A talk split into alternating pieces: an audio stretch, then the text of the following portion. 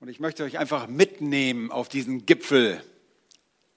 Ich nehme an, dass die meisten von euch es schon einmal bei einer Bergbesteigung erlebt haben, wie schön es ist, die Aussicht beim Besteigen und die Schönheit nach dem Erklimmen eines hohen Berges zu genießen. Ich weiß, Robert liebt das über alles. Ähm, es zieht einen nahezu auf den Gipfel, die Spitze eines Berges. Ist es nicht so? Die Erwartung auf den Rundblick nach dem Erreichen des Gipfels motiviert wirklich jeden Bergsteiger.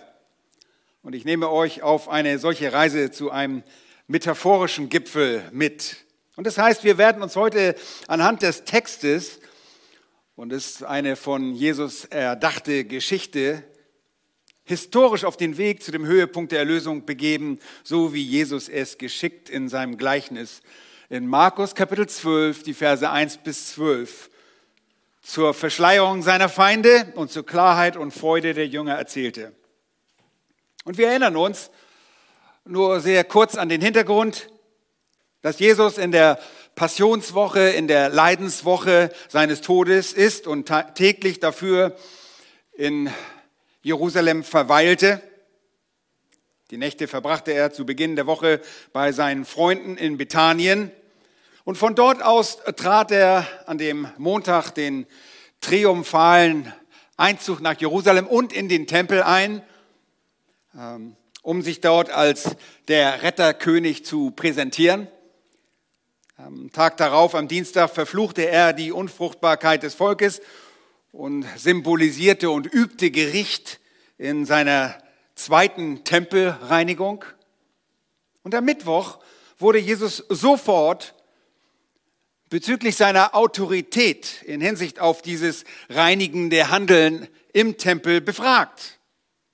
Er aber verweigerte der Abordnung des Hohen Rates die Antwort, ganz so wie jene sich drückte, ihm die Frage nach der Herkunft der Taufe des Johannes zu beantworten. In Markus 12 nun werden auch die jüdischen Leiter bei Jesu Gleichniserzählung angesprochen und erhalten indirekt sogar eine Antwort auf ihre Frage nach der Autorität Jesu.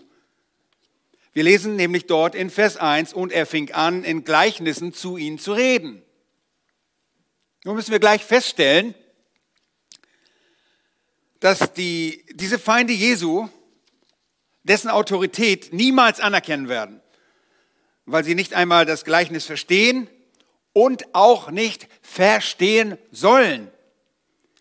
Sie waren verstockt und das Gericht Gottes wurde so schon an ihnen offenbar. Sie hatten alle Einsicht, die volle Evidenz der Gottheit Jesu, aber sie schrieben seine Werke dem Satan zu und es gibt keinen Raum mehr für Buße für diese Gegner Jesu. Es ist zu spät. Und diese Wahrheit haben wir schon in Markus Kapitel 3 uns angesehen. Ich möchte das nicht alles wiederholen. Diese Männer erkennen jetzt lediglich, dass das Gleichnis Jesu sie in ein negatives Licht drückt. Und sie merken, dass sie angesprochen sind und dass er über sie redet.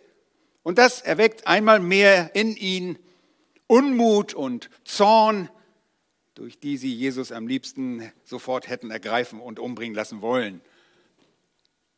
Aber wie ihr wisst, so einfach ist es mit unserem Herrn Jesus Christus nicht. Seine Zeit war noch nicht gekommen.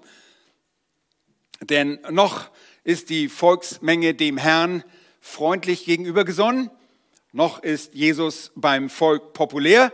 Und noch hören die Massen ihm gerne zu. Und so werden diese religiösen Oberhäupter aus Furcht vor der Menschenmenge daran gehindert, das Leben Jesu sofort zu beenden.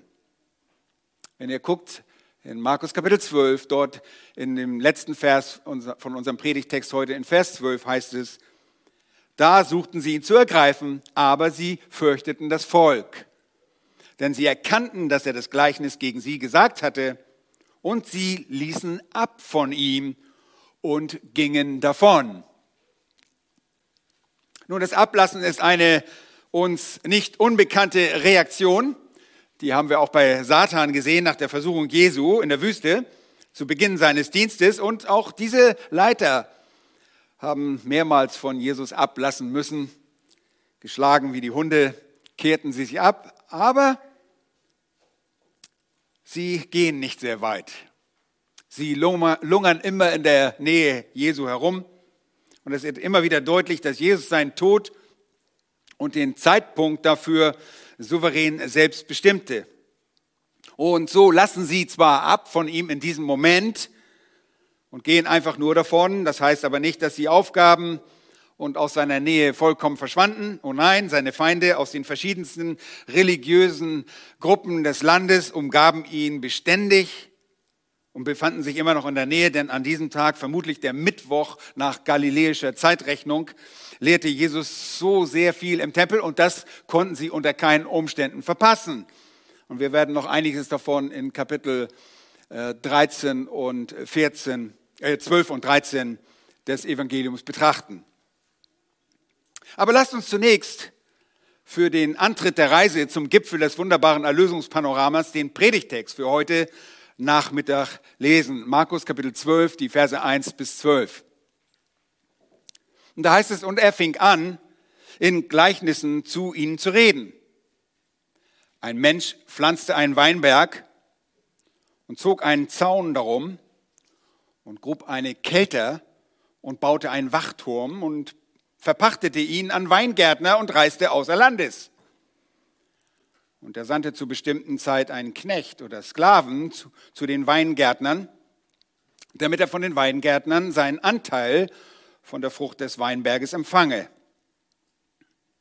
Die aber ergriffen ihn, schlugen ihn und schickten ihn mit leeren Händen fort. Und wiederum sandte er einen anderen Sklaven zu ihnen, und den steinigten sie und schlugen ihn auf den Kopf und schickten ihn entehrt fort. Und er sandte wiederum einen anderen, den töteten sie. Und noch viele andere, die einen schlugen sie, die anderen töteten sie. Nun hatte er noch einen einzigen Sohn, seinen Geliebten. Den sandte er zuletzt auch zu ihnen und sprach, Sie werden sich vor meinem Sohn scheuen. Jene Weingärtner aber sprachen untereinander, das ist der Erbe, kommt, lasst uns ihn töten, so wird das Erbgut uns gehören. Und sie ergriffen ihn, töteten ihn und warfen ihn zum Weinberg hinaus. Was wird nun der Herr des Weinbergs tun? Er wird kommen und die Weingärtner umbringen und den Weinberg anderen geben. Habt ihr nicht auch dieses Schriftwort gelesen? Der Stein, den die Bauleute verworfen haben, der ist zum Eckstein geworden. Vom Herrn ist das geschehen und es ist wunderbar in unseren Augen. Da suchten sie ihn zu ergreifen, aber sie fürchteten das Volk, denn sie erkannten, dass er das Gleichnis gegen sie gesagt hatte und sie ließen ab von ihm und gingen davon. Soweit das Wort Gottes, der Predigtext. Die Geschichte, die Jesus sich hier ausdenkt, konnte der Israelit sehr gut verstehen. Wenn auch nicht die geistliche Tiefe dieser Aussagen mit einem verstockten Herzen ohnehin nicht, so musste wusste er zumindest die verschiedenen Elemente gut einzuordnen. Und das Gleichnis von einem Weinberg war auch nicht etwa neu und auch nicht für die religiösen Führer Israels, allen voraus die Schriftgelehrten, kannten es mit ähnlichem Inhalt aus ihrem Tenach, dem Alten Testament. Und wir finden ein Weinberggleichnis in Jesaja, das der Prophet dem Volk als ein Lied vortrug. Lasst uns das zum besseren Verständnis unseres Textes in Jesaja 5, die Verse 1 bis 7 einmal durchlesen. Dieses Gleichnis dort befindet sich in einer Reihe von Gerichtsbotschaften. Und ich lese dort Jesaja 5, die Verse 1 bis 7. Ich werde es nicht groß auslegen, nur damit ihr die Ähnlichkeit seht und auch versteht, äh, worum es geht. Er sagt, ich will doch singen von meinem Geliebten ein Lied meines Freundes von seinem Weinberg. Mein Geliebter hatte einen Weinberg auf einem fruchtbaren Hügel. Und er grub ihn um und säuberte ihn von Stein und bepflanzte ihn mit edlen Reben. Mitten darin baute er einen Turm und hieb auch eine Kelter darin aus.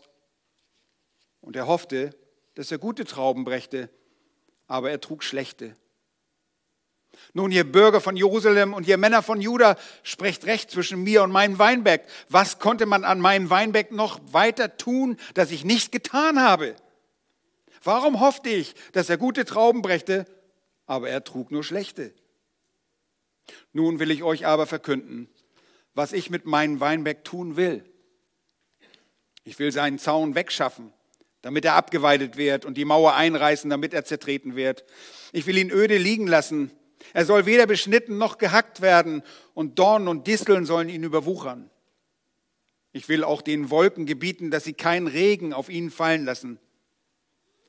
Denn das Haus Israel ist der Weinberg. Jahwe Zebaoth und die Männer von Juda sind seine Lieblingspflanzen. Der Weinberg Jahwe Zebaoth und die Männer von Juda sind seine Lieblingspflanzung. Und er hoffte auf Rechtsspruch und siehe da blutiger Rechtsspruch, auf Gerechtigkeit und siehe da Geschrei über Schlechtigkeit. Seht ihr, in diesem Gleichnis gibt es verblüffende Ähnlichkeiten zu dem Gleichnis, das Jesus erzählte, aber natürlich auch viele Unterschiede. Der Weinberg wurde in ganz ähnlicher Weise, in sorgsamer Weise gebaut, so wie es in unserem Text auch steht, gepflanzt wurde. in Markus 12, 1 heißt es, ein Mensch pflanzte einen Weinberg. Und achtet auch einmal auf die übrigen Maßnahmen. Und er zog einen Zaun darum und grub eine Kälte und baute einen Wachturm und verpachtete ihn an Weingärtner und reiste außer Landes. Nun, Jesus beschreibt hier eine gewöhnliche, eine gängige, eine gängige Handhabung, die bergige Landschaft, das sonnige Klima und die Qualität des Bodens nach deren Säuberung und Reinigung von größeren Steinen. Und findet man in Israel, wenn man das getan hat, ideale Bedingungen für das Wachstum von Weinreben in Weinbergen. Allerdings ist die Pflege eines Weinberges nicht ein Selbstgänger. Und der Erfolg fordert Aufmerksamkeit. Und bestimmte Maßnahmen müssen ergriffen werden, besonders wenn der Besitzer des Weinberges sich auf Reisen begeben möchte und für längere Zeit nicht vor Ort sein wird. Und das war zu der Zeit auch gang und gäbe, dass reiche äh, Weinbergbesitzer, besonders in Galiläa, dort Weinberge unterhielten, aber sich anderweitig auch aufhielten. Nun, dieser Weinbergbesitzer veranlasste Folgendes. Erstens, er hat gepflanzt. Und diese kleinen Parzellen an Berghängen werden besonders dafür angelegt, sie werden eingeebnet und vor dem Bepflanzen von Verunreinigungen mit größeren Steinen, die werden rausgelesen, wird er gesäubert. Zweitens hat er einen Schutzzaun errichtet, damit dieser Weinberg vor natürlichen Feinden, so wie Tieren, geschützt wäre, aber auch vor Feinden, der den Feinden den Zugang zu diesem Weinberg erschweren würde. Ergänzt, ergänzend würde er auch einen Wachturm bauen. Und das hat er auch getan in unserem Text. Er hat einen Wachturm errichtet. Und ein Wachturm war zum einen dazu da, natürlich um Wache zu schieben und zu schauen, ob es eventuell Feinde gibt oder ob es vielleicht Tiere gibt, die vertrieben werden mussten, aber auch um die Arbeiter vielleicht mal einen schattigen Platz zu gewähren. Und er hatte eine zur Ernte notwendige Kälte ausgehoben. Das ist uns vielleicht kälter. Was ist das denn? Ich kenne nur kälter mit der Umlaut. Das ist ziemlich kalt hier. Nein, kälter ist im Weinbau dafür notwendig, dass dort die Beeren gesammelt werden, um dort in Most umgewandelt zu werden, indem sie dort in dieser Kälte zertreten werden. Eine Weinpresse sozusagen. Und das hatte der Weinbergbesitzer getan. Und es war durchaus üblich, dass er sich dann, nachdem das alles fertig war, und es dauerte ungefähr bis zu fünf Jahren, bis so ein äh, Weinberg dann auch vollen Ertrag äh, äh, gab, so machte sich dieser Weinbergbesitzer auf den Weg und wollte außer Landes sein. Und dafür setzte er Pächter ein. Und auch das ist etwas durchaus Gängiges. Das sind alles gut verständliche und gewöhnliche Maßnahmen eines sorgsamen Weinbergbesitzers und in keiner Sache ist er säumig geworden. Er hat alles gut gemacht. Und wie bei Jesaja, so ist auch hier deutlich, dass der Weinbergbesitzer Jahwe ist. Es ist Gott selbst.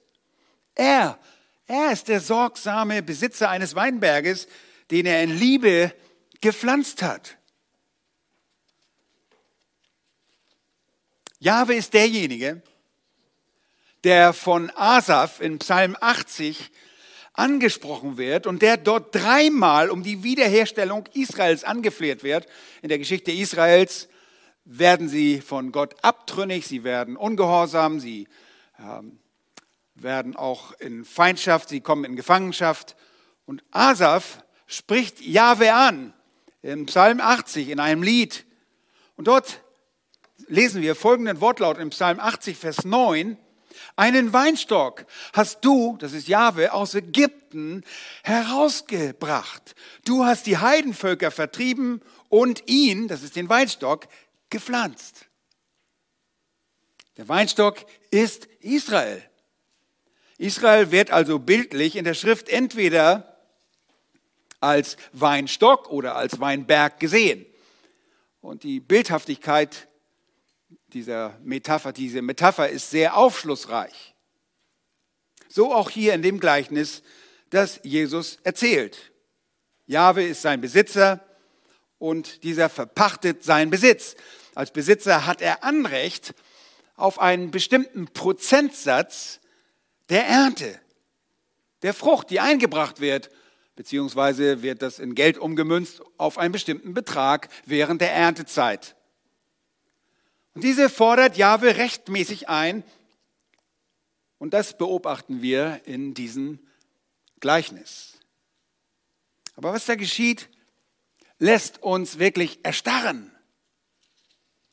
Als erstes auf unserer Reise zum Gipfel des wunderbaren Erlösungspanoramas wollen wir über die fortschreitende Beschämung Gottes staunen.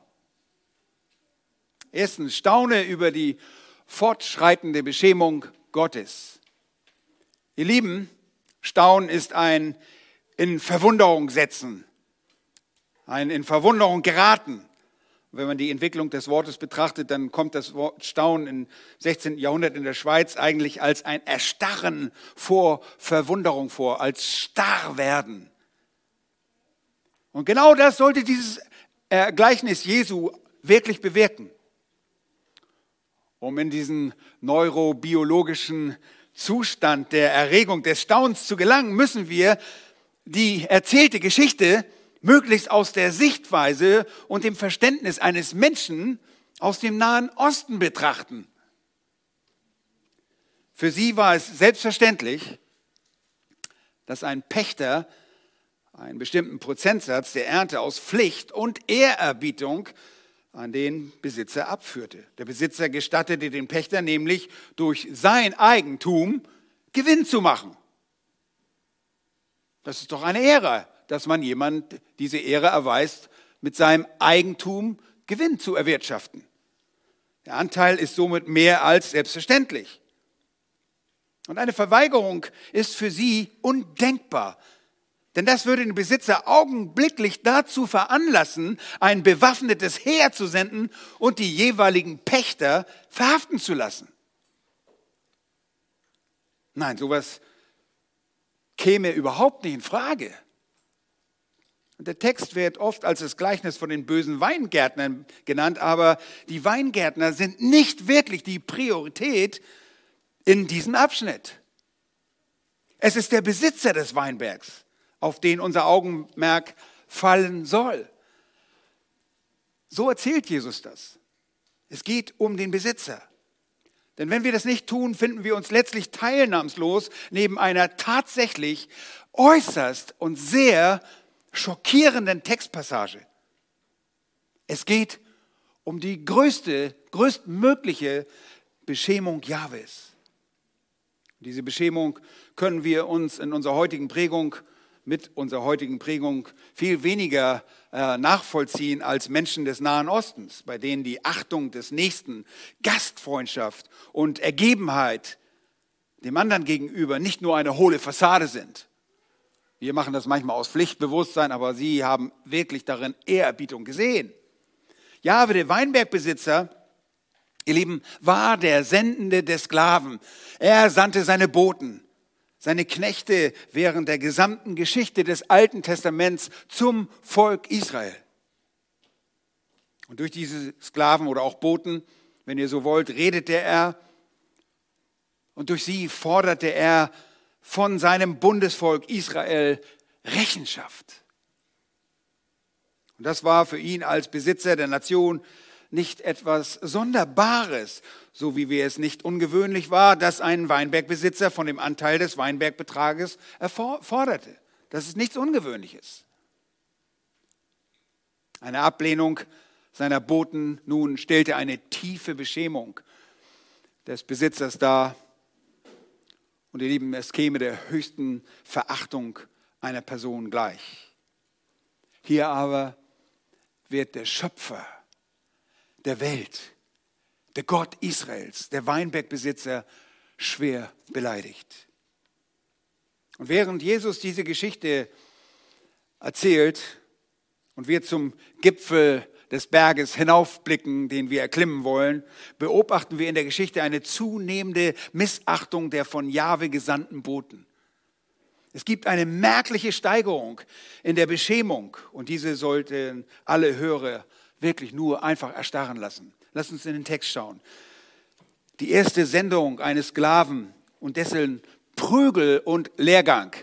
Der geht nicht auf eine Ausbildung mit, mit L-E-H, sondern Doppel-E. Also der geht leer aus.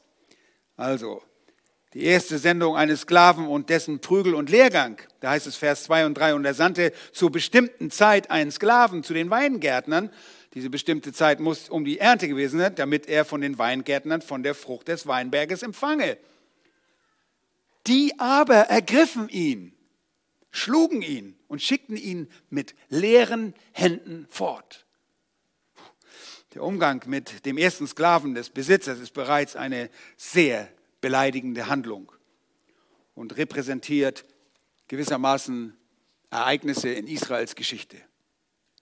Gott forderte von Israel Gehorsam und Ehrerbietung, aber die Missachtung seiner Sklaven. Und das sind im Alten Testament primär die Propheten, wird uns allen plastisch auf den Seiten des Alten Testaments vor Augen gestellt. Mose zum Beispiel als Gesandter. Und wir haben heute schon darüber gelesen. Das ist interessant.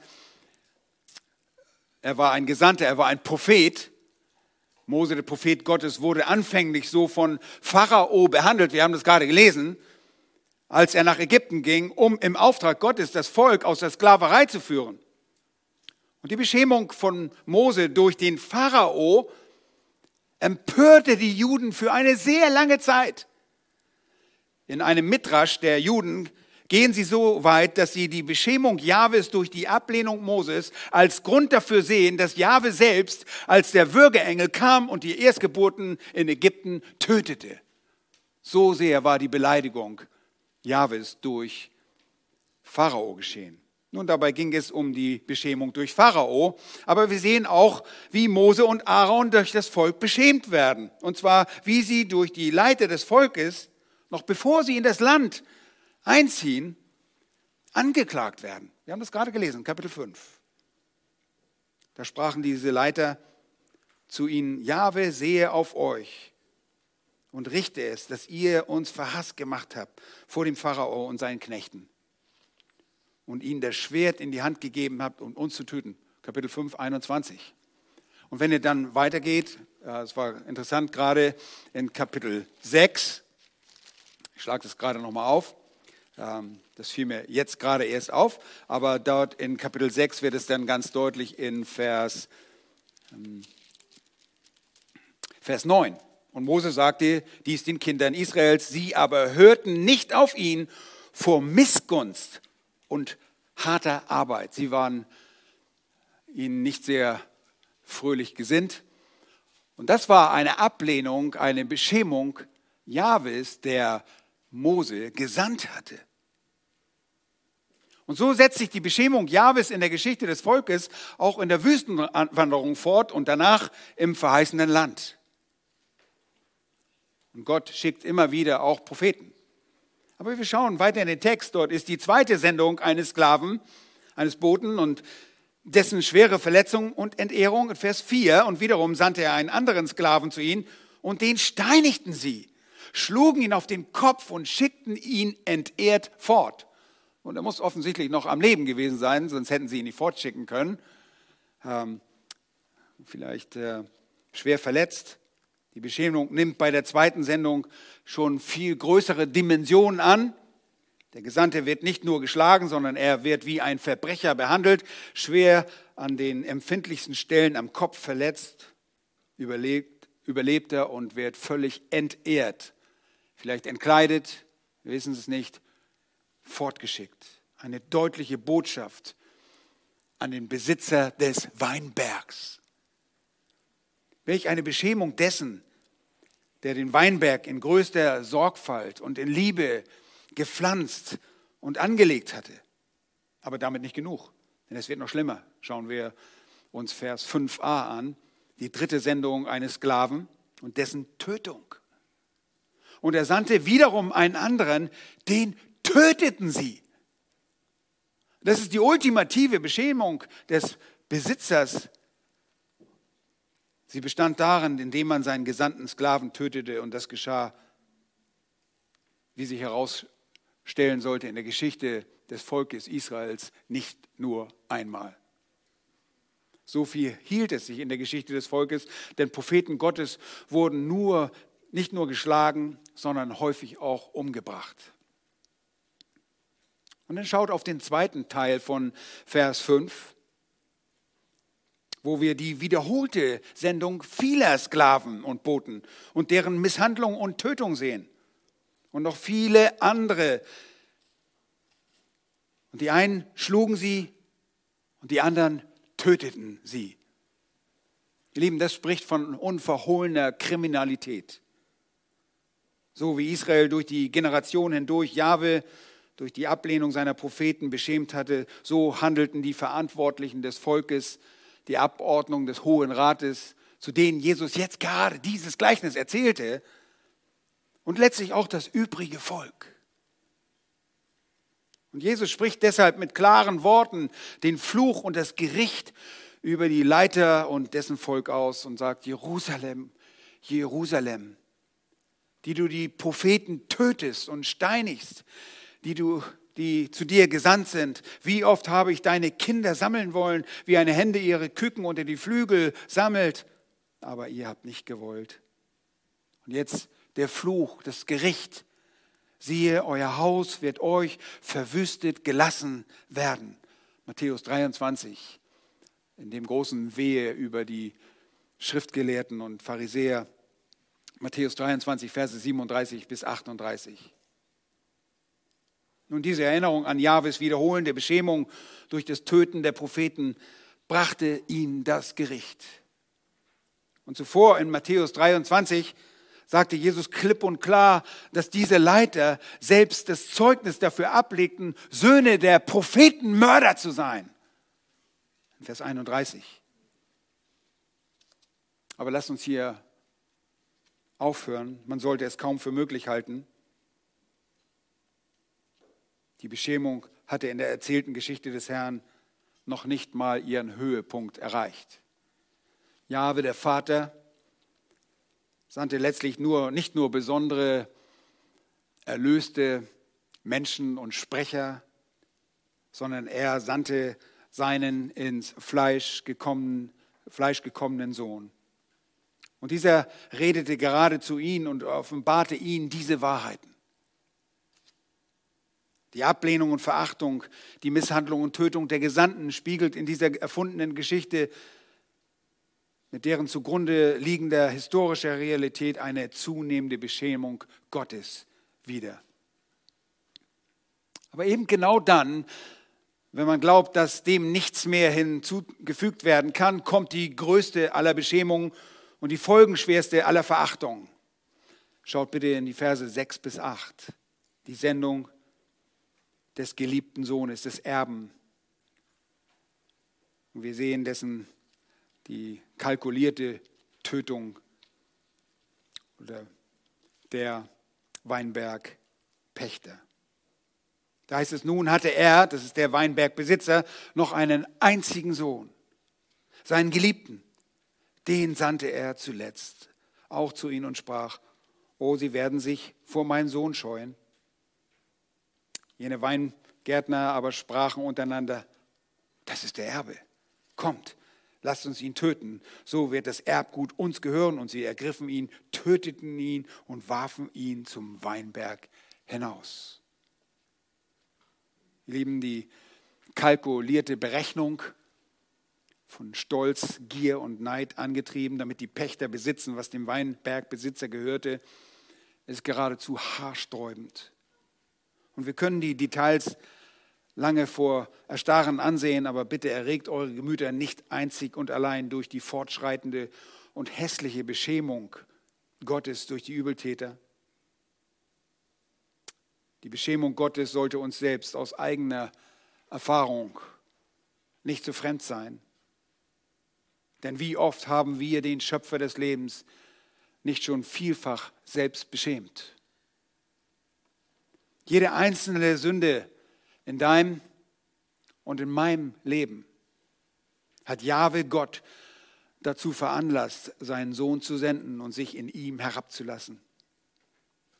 Jede dieser Beschämungen, und mag sie noch so klein sein, hat unseren Herrn Jesus Christus an das Kreuz gebracht.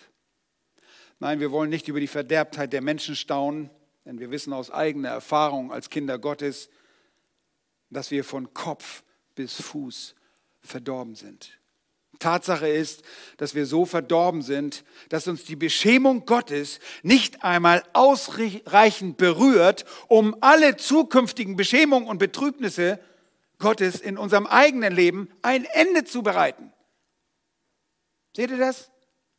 So teilnahmslos sind wir. Wir können nur sagen, Herr, vergib uns. Im Lichte der Bosheit und Beschämung durch das Volk Israel und durch unseren eigenen Beschämung Beitrag dazu, beschämenden Beitrag dazu, lässt der zweite Punkt uns tatsächlich staunen.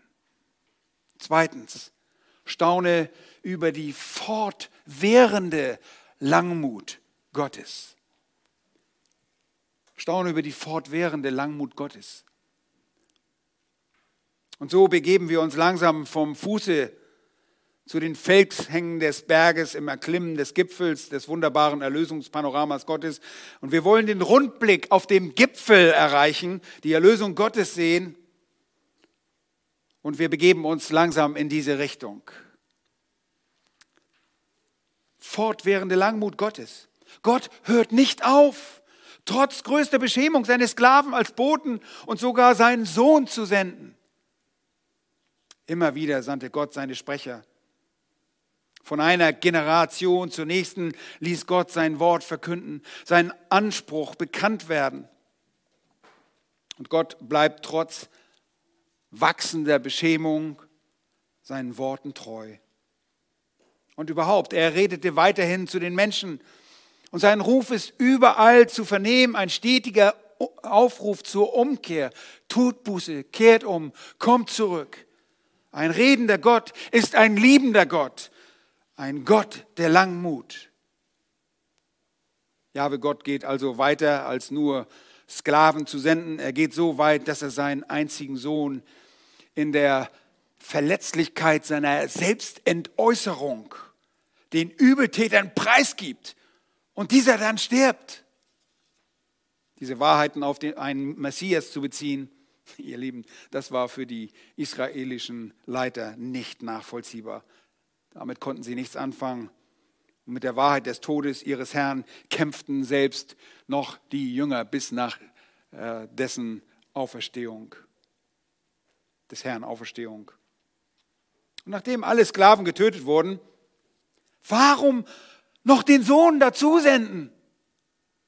Schaut bitte Vers 6 an. Der Besitzer spekuliert, sie werden sich vor meinem Sohn scheuen. Und der Besitzer ging davon, ging davon aus, dass sie ihn respektieren würden. Und er weist eine unbeschreibliche Langmut. Sollte die Rechnung des Weinbergbesitzers aufgehen? Dazu möchte ich euch eine interessante, wahre Geschichte erzählen, die ich in diesen Tagen las. Und sie ereignete sich zum Ende des letzten Jahrhunderts im Leben des Königs von Jordanien. Das ist König äh, Hussein, der erste, der Sohn von, des Talals. Er war von 1952 bis 1999 König von Jordanien und während seiner 47-jährigen Regierungszeit überlebte Hussein mehr als 30 auf ihn gerichtete Attentate. Er selbst konnte mehrere Mordkomplotte und Umsturzversuche abwenden. Und eines dieser Ereignisse verbreitete sich sehr schnell mündlich, aber wurde dann auch nach einigen Jahren und sehr bald auch schriftlich festgehalten und von ranghohen amerikanischen Offizieren, die in Jordanien ihren Dienst taten, bestätigt. Wie ihr seht, ist es schriftlich festgehalten worden, sonst wüsste ich nicht von dieser Geschichte.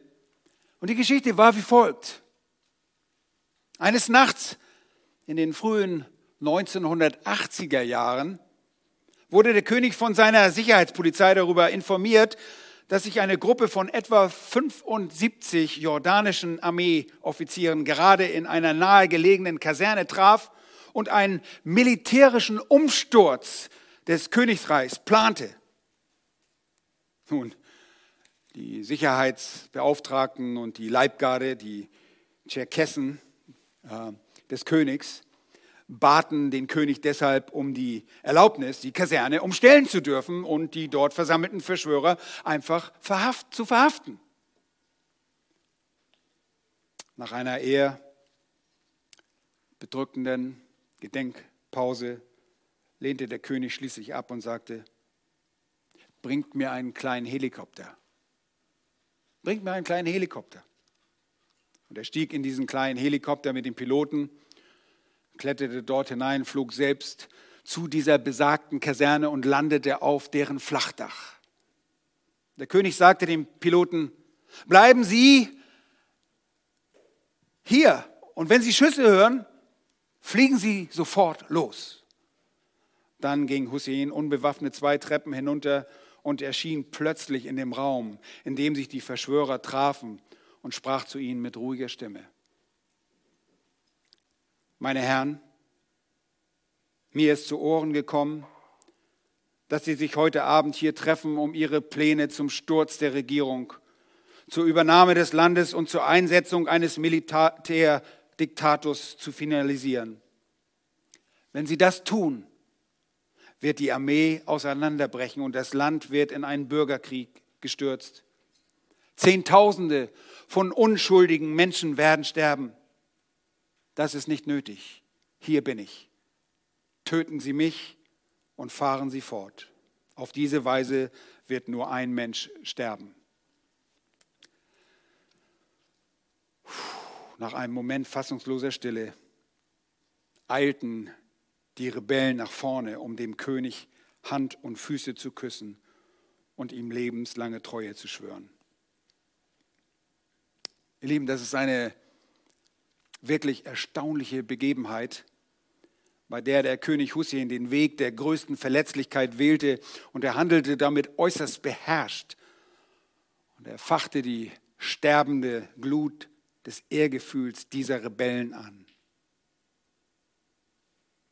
Nun, das ging bei König Hussein dem ersten gut. Aber das sollte bei Jesus nicht so ausgehen.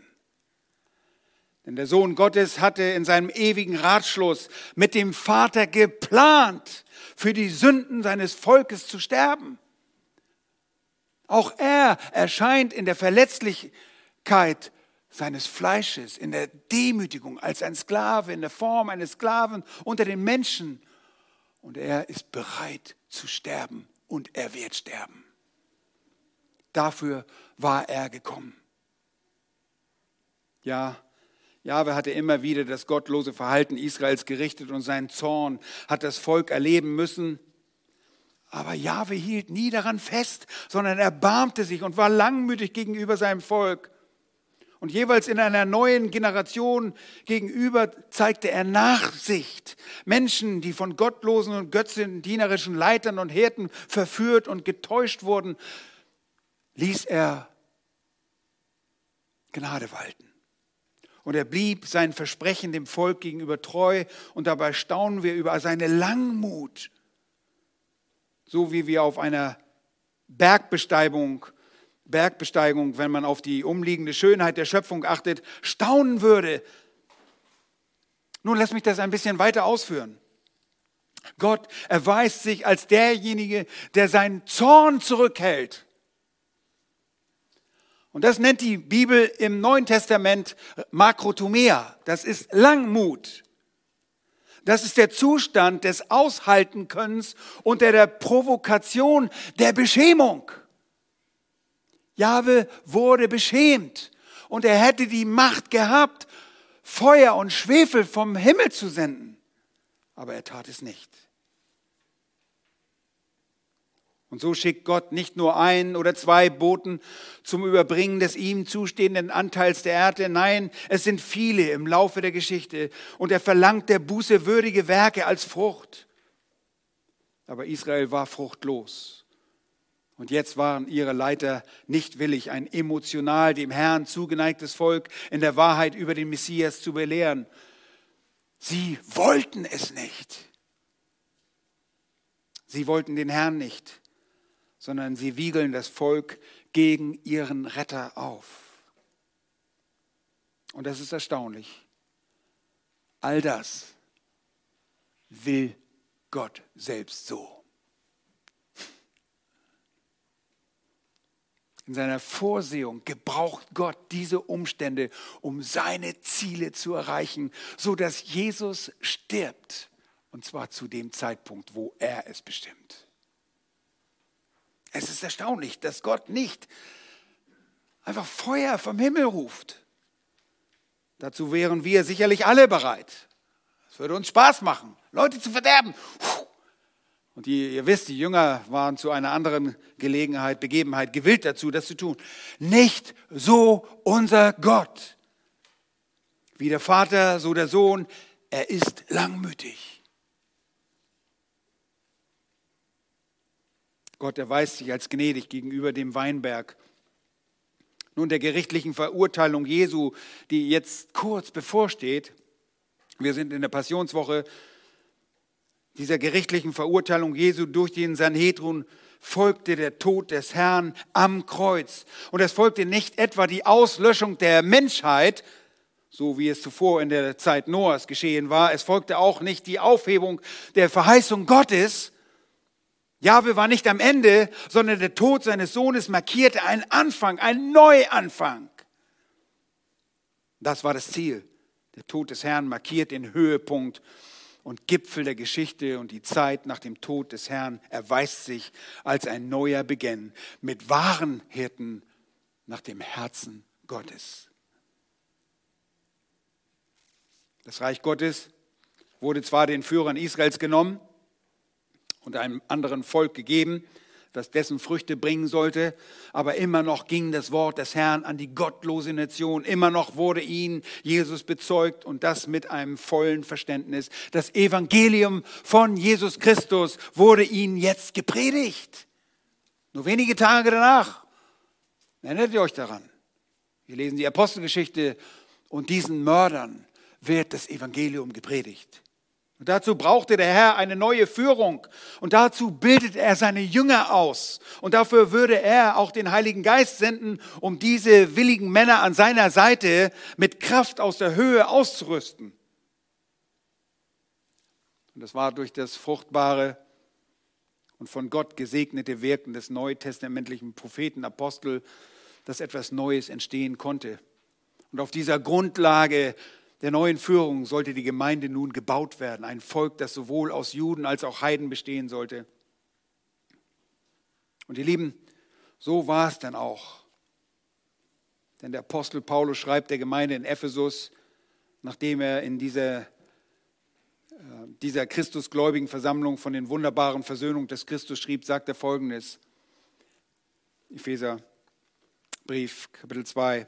So seid ihr nun nicht mehr Fremdlinge, ohne Bürgerrecht und Gäste, sondern Mitbürger der heiligen Gottes, Hausgenossen, auferbaut auf der Grundlage der Apostel und Propheten, während Jesus Christus, was ist, selbst der Eckstein ist, in dem der ganze Bau zusammengefügt wächst zu einem heiligen Tempel im Herrn, in dem auch ihr miterbaut werdet zu einer Wohnung Gottes im Geist. Ihr Lieben, durch das gnädige und langmütige Handeln unseres Gottes, dieses gnädige Handeln markierte nicht das Ende des Weinberges, in dem Jahwe seinen Weinstock gepflanzt hatte. Er, der ewige und bündnishaltende Gott, wirft dabei nicht eigene Verheißungen über Bord, er bleibt seinem Wort treu und er weiß sich einmal mehr als der Langmütige in seinem gnädigen Opfer, bei dem der Zorn für die Sünde derer, die an ihn glauben sollten, den Sohn selbst trifft. Und so bringt uns das zum dritten Punkt dieses Gleichnisses. Das bringt uns gleichsam zu dem Gipfel des wunderbaren Erlösungspanoramas Gottes. Und das bedeutet drittens, staune über das frappierende Gerichtshandeln Gottes. Vielleicht könnt ihr nichts mit frappierend anfangen. Frappant, frappierend. Ich habe kein anderes äh, Adjektiv gefunden mit F. Verblüffend, überraschend, außergewöhnlich, erstaunlich, überwältigend. Frappierendes Gerichtshandeln Gottes. Das Gerichtshandeln an den Pächtern, Vers 9a. Was wird nun der Herr des Weinbergs tun? Und in dem Paralleltext, dem Markus-Evangelium, dort in Kapitel 21, führt Jesus, äh, lässt Jesus die religiösen Leiter Israels selbst antworten auf seine einfache Frage. Die war einfach zu beantworten. Und die Antwort ist so offensichtlich, dass sie in Markus von Jesus einfach nur zusammengefasst wird, aber Matthäus berichtet, dass die Führer selbst antworteten. Und ihr könnt euch vorstellen, beim Erzählen dieser Geschichte schlug ihnen das Herz bis zum Hals. Ja? Das unverschämte Verhalten der Pächter, der Winzer des Weinbergs hatte ihren Blutdruck sicherlich in die Höhe schießen lassen. Ich weiß, was es bedeutet, wenn der Blutdruck hochgeht. Sie selbst wurden so erbost, dass sie das vernichtende Urteil über sich selbst frei aussprachen. In ähnlicher Weise wie einst Daniel, äh David bei der Begegnung mit dem Propheten Nathan nach seiner Sünde an Bethseba und Uriah. Schaut einmal in Matthäus 21 und dort Vers 41 auf das einleuchtende Urteil der Abgeordneten des Sanhedrins. Ein Urteil, das sie über sich selbst aussprachen. Matthäus 21, 41.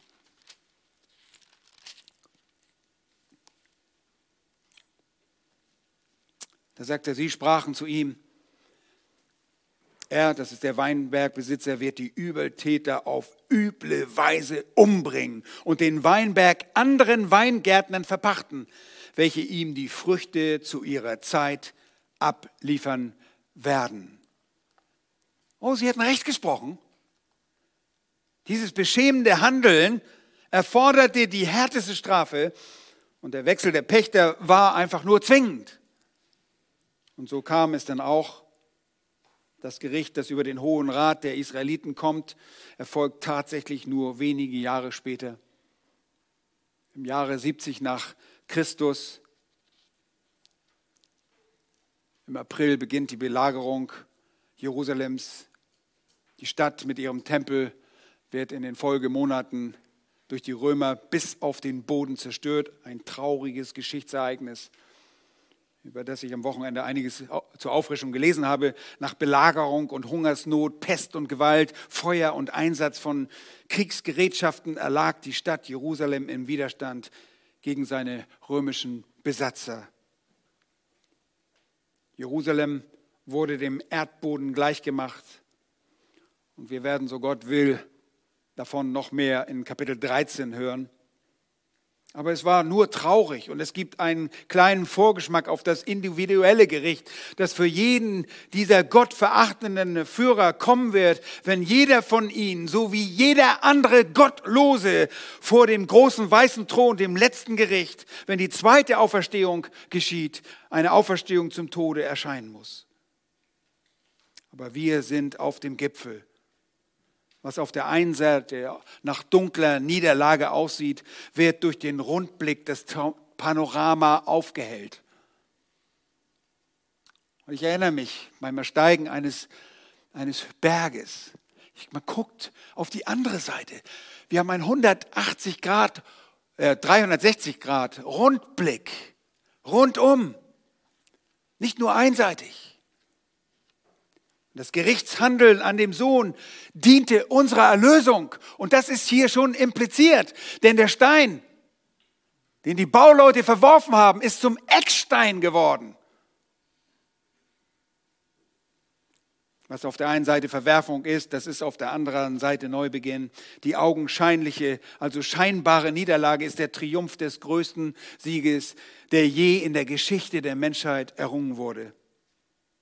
Und Jesus sagt, er wird kommen und die Weingärtner umbringen und den Weinberg anderen geben. Und wie ich schon erwähnte, die Verwalterschaft liegt jetzt auf den Schultern solcher, die sich als treu erweisen.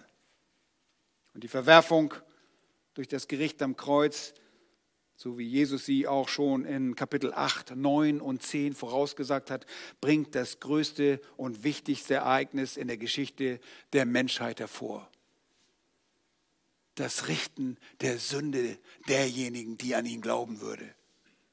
Und dazu zitiert Jesus Verse aus der Septuaginta, der griechischen Übersetzung des Alten Testaments, aus dem ägyptischen Hallel, das Lied, das sie vor Jesu Festnahme im Gethsemane singen, bevor sie dort hinübergehen in, zur Festnahme. Psalm 118, Verse 22 und 23. Ein Psalm, der möglicherweise sogar von Mose verfasst wurde, ein ägyptisches Hallel, und der dessen Erfahrung widerspiegelt. Und er fragt, habt ihr nicht, Vers 10, habt ihr nicht auch dieses Schriftwort gelesen, der Stein, den die Bauleute verworfen haben, der ist zum Eckstein geworden? Vom Herrn, und das ist Jahwe in Psalm 118, ist das geschehen und es ist wunderbar in unseren Augen. Spätestens jetzt verstanden die Leiter gar nichts mehr, denn Jesus wendet diese Passage aus dem Psalm auf sich an und fügt seinem Gleichnis eine zweite metaphorische Beschreibung hinzu. Der Gesandte des Weinbergbesitzers ist jetzt ein Stein. Der Sohn, der gesandte Sohn ist jetzt ein Stein der jetzt von den Weinbergpächtern, die hier zu den Bauleuten werden, verworfen wird. Seht ihr, hier wechselt die Metapher von einem Weinberg, von Weinbergpächtern, von Weinbergbesitzern zu einem Stein und zu Bauleuten, die diesen Stein verwerfen. Und dieser verworfene Stein ist Jesus. Und das erinnert nur an das Alte Testament, wo Jesus schon als Stein bekannt wird, in Propheten Daniel Kapitel 2. Der Stein, der endzeitliche Stein, der das Reich Gottes herbeibringen wird, der alle anderen Reiche zertrümmern und niederschmettern wird. Aber er ist der Stein, den die Bauleute, und das ist jetzt dieses gottlose, diese gottlosen Leiter des Volkes, sie verwerfen ihn. Und dieser verworfene Stein, er wird wieder genommen und als Eckstein eingesetzt, als Grundstein. Und man geht Einige Ausleger gehen davon aus, dass dieser Eckstein ein äh, wichtiger Stein ist, ein Bau eines äh, Gebäudes, der sich eigentlich in jedem äh, Gebäude findet, entweder im, im Fundament selbst oder an anderer Stelle, aber nachdem sich äh, der, die anderen Steine ausgerichtet werden und damit es rechtwinklig ist und äh, damit es gerade gebaut wird. Es war ein aussortierter Stein und dieser verworfene Stein ist jetzt ein Eckstein. Und genau diese Begrifflichkeit benutzen die, die Apostel im Neuen Testament. Petrus benutzt es im ersten äh, Petrus Kapitel 2 oder bei seiner Rede vor dem Sanhedrin. In Kapitel 3 werden Johannes und äh, Petrus begegnen sie dem gelähmten Mann auf dem Weg in den Tempel. Ihr erinnert euch, er sitzt dort an der Pforte, die man die Schöne nennt. Und Petrus ergreift diesen Mann und stellt diesen Mann auf seine Füße und er kann wieder gehen. Und dann äh, predigen sie Jesus weiter und sie predigen ihn als den Auferstandenen. Und äh, das passt den Obersten nicht und sie stecken sie ins Gefängnis. Und dann werden sie am nächsten Tag befragt. Und Petrus verkündigt ihn als den, den Herrn Jesus, den sie ermordet hatten, als den Eckstein. In Kapitel 4, Vers 11 dort, nach der Heilung des Gelähmten. Außerdem predigten die Apostel den Herrn als den Auferstandenen immer wieder. Und er ist dieser Eckstein, auf den das neue Gebäude, die neue Heilskörperschaft der Gemeinde gebaut wurde. Und es geschah vom Herrn, heißt es hier in diesem Zitat aus der Septuaginta. Jahwe ist der Initiator. Er arrangiert diese Dinge alle für seine Zwecke, für seine Ziele. Und wir wissen auch aus dem Alten Testament, aus dem Propheten Jesaja, Kapitel 53 und Vers 10, da heißt es, es gefiel Jahwe, ihn zu zerschlagen. Er ließ ihn leiden. Ihr Lieben, das ist das wunderbare Panorama. Das ist nicht die Einseitigkeit, wo wir sehen, oh, unser Jesus. Und das glaubt jeder. Jesus, natürlich ist Jesus gestorben. Er erlag den äh, Römern und der arme Schicksal dieses armen Mannes, der sich für so viele Dinge eingesetzt hat. Ihr Lieben, nein. Jesus starb, um dich und mich zu erlösen von meiner Schuld und den Zorn selbst auf sich zu nehmen. Der Zorn, den er in aller Langmut getragen hatte, der erst im eschatologischen Gericht wieder ausgegossen wird über die Menschheit. Ein schrecklicher Zorn über die Trübsal, der in der Trübsal kommen wird, aber der auch in der ewigen Hölle nicht gestillt werden kann. Dieser ewige Zorn, dieser Zorn der uns hätte treffen müssen. Den hat unser Herr Jesus Christus getragen am Kreuz auf Golgatha für alle, die an ihn glauben. Und so ist Gott nicht mehr zornig auf uns. Wir sind befreit von diesem Zorn. Und wir können ihn betrüben, aber wir können ihn nicht mehr zornig machen.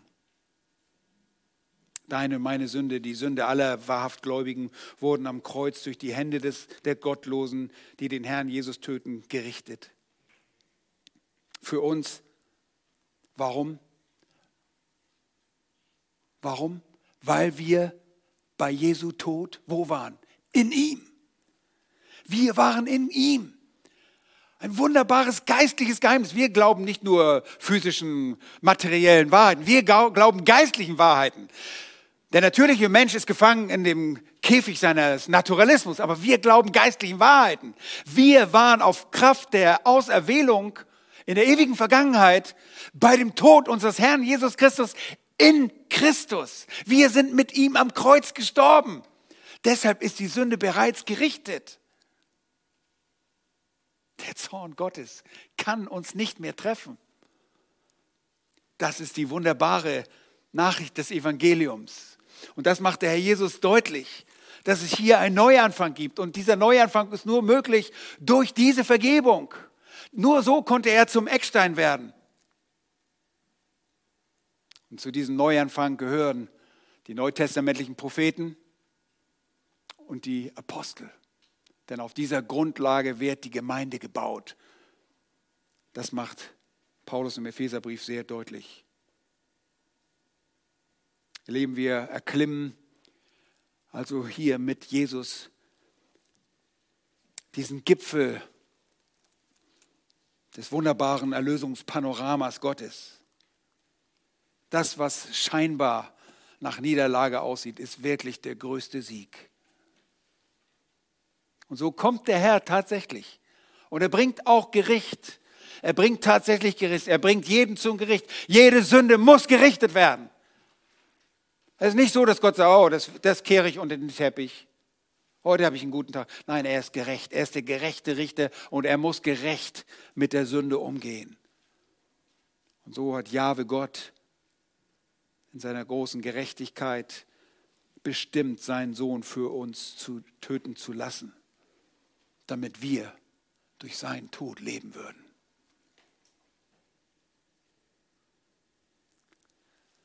Wisst ihr, dadurch sind die Erbschleicher, wenn ich sie mal so nennen darf, die Erbschleicher entmachtet worden, gerichtet worden, aber wir zu Erben und Miterben Christi geworden. Wir erben das Reich. Ihr Lieben, wir werden mit Jesus in das Reich Gottes eingehen. Wir werden an der Seite Jesu Christi herrschen, weil Christus uns erkauft hat und wir sein Eigentumsvolk sind. Das ist die wunderbare Botschaft, die wir aus diesem Gleichnis ersehen können, weil wir den weiteren, die weitere Offenbarung haben. Wir sehen schon weiter in die Geschichte hinein. Aber das bringt Jesus hier zum Ausdruck.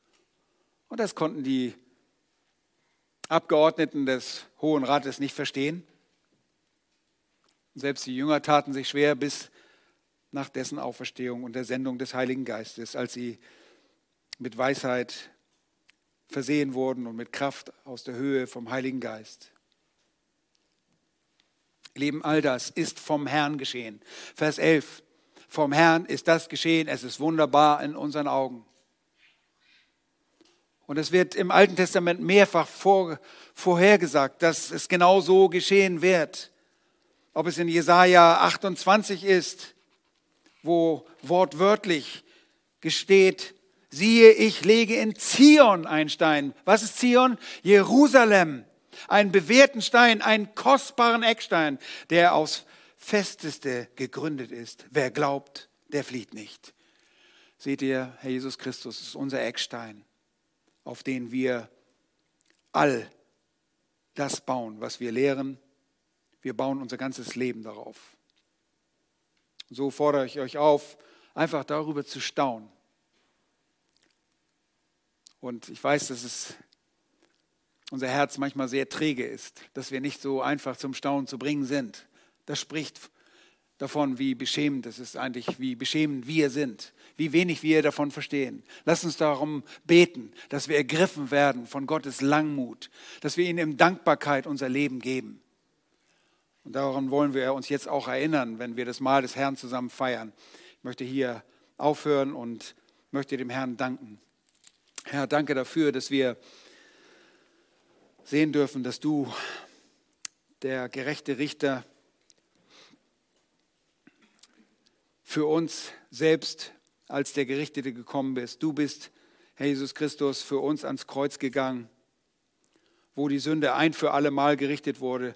Danke, dass wir in dir sein durften, als du getötet wurdest. Dass wir deshalb auch nicht mehr für die Sünde bestraft werden können. Es gibt keine Verdammnis mehr für uns, weil wir in dir sind. Du bist unsere Gerechtigkeit. Du hast uns mit deiner Gerechtigkeit bekleidet. Und dafür wollen wir dir von Herzen danken.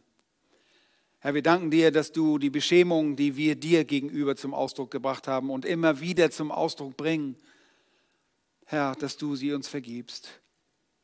Herr, wir wollen auch in uns gehen und darüber nachdenken, wie wir diese Dinge abändern können. Denn wir wollen dich nicht beschämen, sondern wir wollen dich ehren als den Besitzer unseres Lebens, als derjenige, der uns teilhaben lässt an dem Erbe des Reiches. Dir wollen wir Ehre bringen. Dir wollen wir gehorchen. Vergib uns unsere hässlichen Sünden, die dich bis zum tiefsten betrüben und beschämen. Herr, danke, dass du uns auch als Gefäße des Zornes bis zu unserem Tag der Errettung getragen hast, in aller Langmut, dass du dich zurückgehalten hast, dass du mich nicht schon als Kind, als ungehorsames, störriges, störriges Kind gerichtet hast und vernichtet hast. Herr, du hättest alles Recht dazu gehabt. Aber du hast mich getragen in deiner Langmut. Danke, dass ich zu dem Tag kommen durfte, wo ich zu dir Ja sagte, wo ich mich dir unterordnen wollte. Danke, dass du das bewirkt hast. Herr, wir danken dir, dass wir sehen dürfen, dass du durch das Gericht Neues begann, begonnen hast. Dass wir jetzt wissen, dass es Vergebung gibt, dass du dich als gerechter Gott erwiesen hast, nachdem du vor Zeiten die Sünde geduldet hast und bedeckt hast, hast du deine Gerechtigkeit erwiesen in deinem Sohn, dass du den Gerechten für uns die Ungerechten gestraft hast. Danke für dieses große Privileg. Und so möchten wir dir unser Leben geben im Gehorsam. Hilf uns dabei, das umzusetzen, was wir als richtig erkannt haben, um deines Namens willen. Amen.